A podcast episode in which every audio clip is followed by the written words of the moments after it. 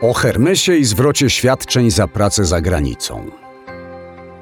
Pewnego dnia Zeus wezwał przed swoje oblicze Boga dróg, podróżnych, kupców, pasterzy, złodziei i posłańca bogów w jednej osobie, czyli Hermesa, i rzucił mu pod nogi stos papierów. Wiesz, co to jest? warknął gniewnie król bogów.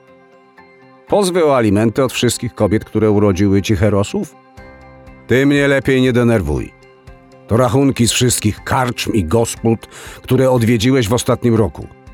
Czy ty myślisz, że mnie stać na opłacenie najdroższych noclegów? Bo oczywiście tylko takie wynajmujesz w trakcie swoich misji, jakby nie można się było na gołej ziemi czasem zdrzemnąć. Żebym wilka dostał? Przestań sobie ze mnie żarty robić. No ale przecież ja to robię w waszym interesie. Sami mnie na tę misję posyłacie. Posyłamy, ale żebyś pracował, a nie obijał się po najdroższych miejscówkach z widokiem na morze i darmowym winem w cenie. Jak ci się takich wygód zachciewa, to ja ci za nie zapłacę, ale sobie daninę policzę i to tak wysoką, że, że ci się odechce sypiać za granicą.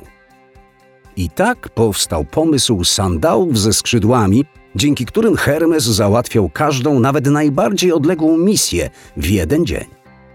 Takie sandały mogą zostać hitem po ostatnim wyroku NSA w sprawie opodatkowania świadczeń na rzecz pracownika delegowanego do pracy za granicą